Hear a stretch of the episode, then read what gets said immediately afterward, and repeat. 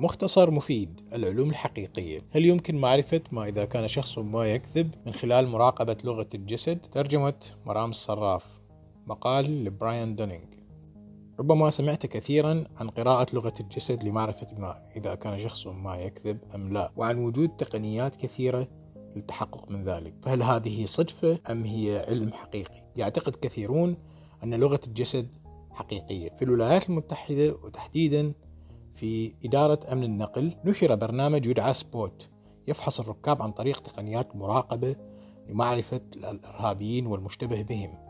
قد دربت إدارة أمن النقل آلاف الموظفين. سجل البرنامج كان سيئا جدا. تم إرسال ربع مليون شخص للفحص الثانوي. بعد أن اشتبه بهم موظفو إدارة أمن النقل. ووجدت البيانات أن الأشخاص غير المدربين يمكن أن يسجلوا نقاطا مساوية للأشخاص المدربين على نفس البرنامج. بشكل عام هل هناك معايير يمكن أن نكتشف من خلالها الأشخاص الكاذبين؟ في إحدى الدراسات العابرة للثقافات تم استبيان عدد كبير جدا من الأشخاص وقد آه، خرجوا بحصيلة كبيرة من الصفات التي يعتقدون أنها صفات للشخص الكاذب لكنها كانت عامة جدا وغير نافعة وغير جازمة. معظم تلك الصفات التي تم تحديدها من قبل الأشخاص ثقافات مختلفة كانت موجودة في قائمة برنامج سبوت الأمريكي. لكن بشكل عام فإن معرفة الكاذب عن طريق هذه الصفات لا تتجاوز بدقتها قلب عملة معدنية لمعرفة ما إذا كان الشخص إرهابيا أم لا. أحد من يقفون وراء هذه البرامج شخص يدعى بول إيكمان وهو يبيع دورات تدريبية مختلفة غير أن فحص الأداة التي قدمها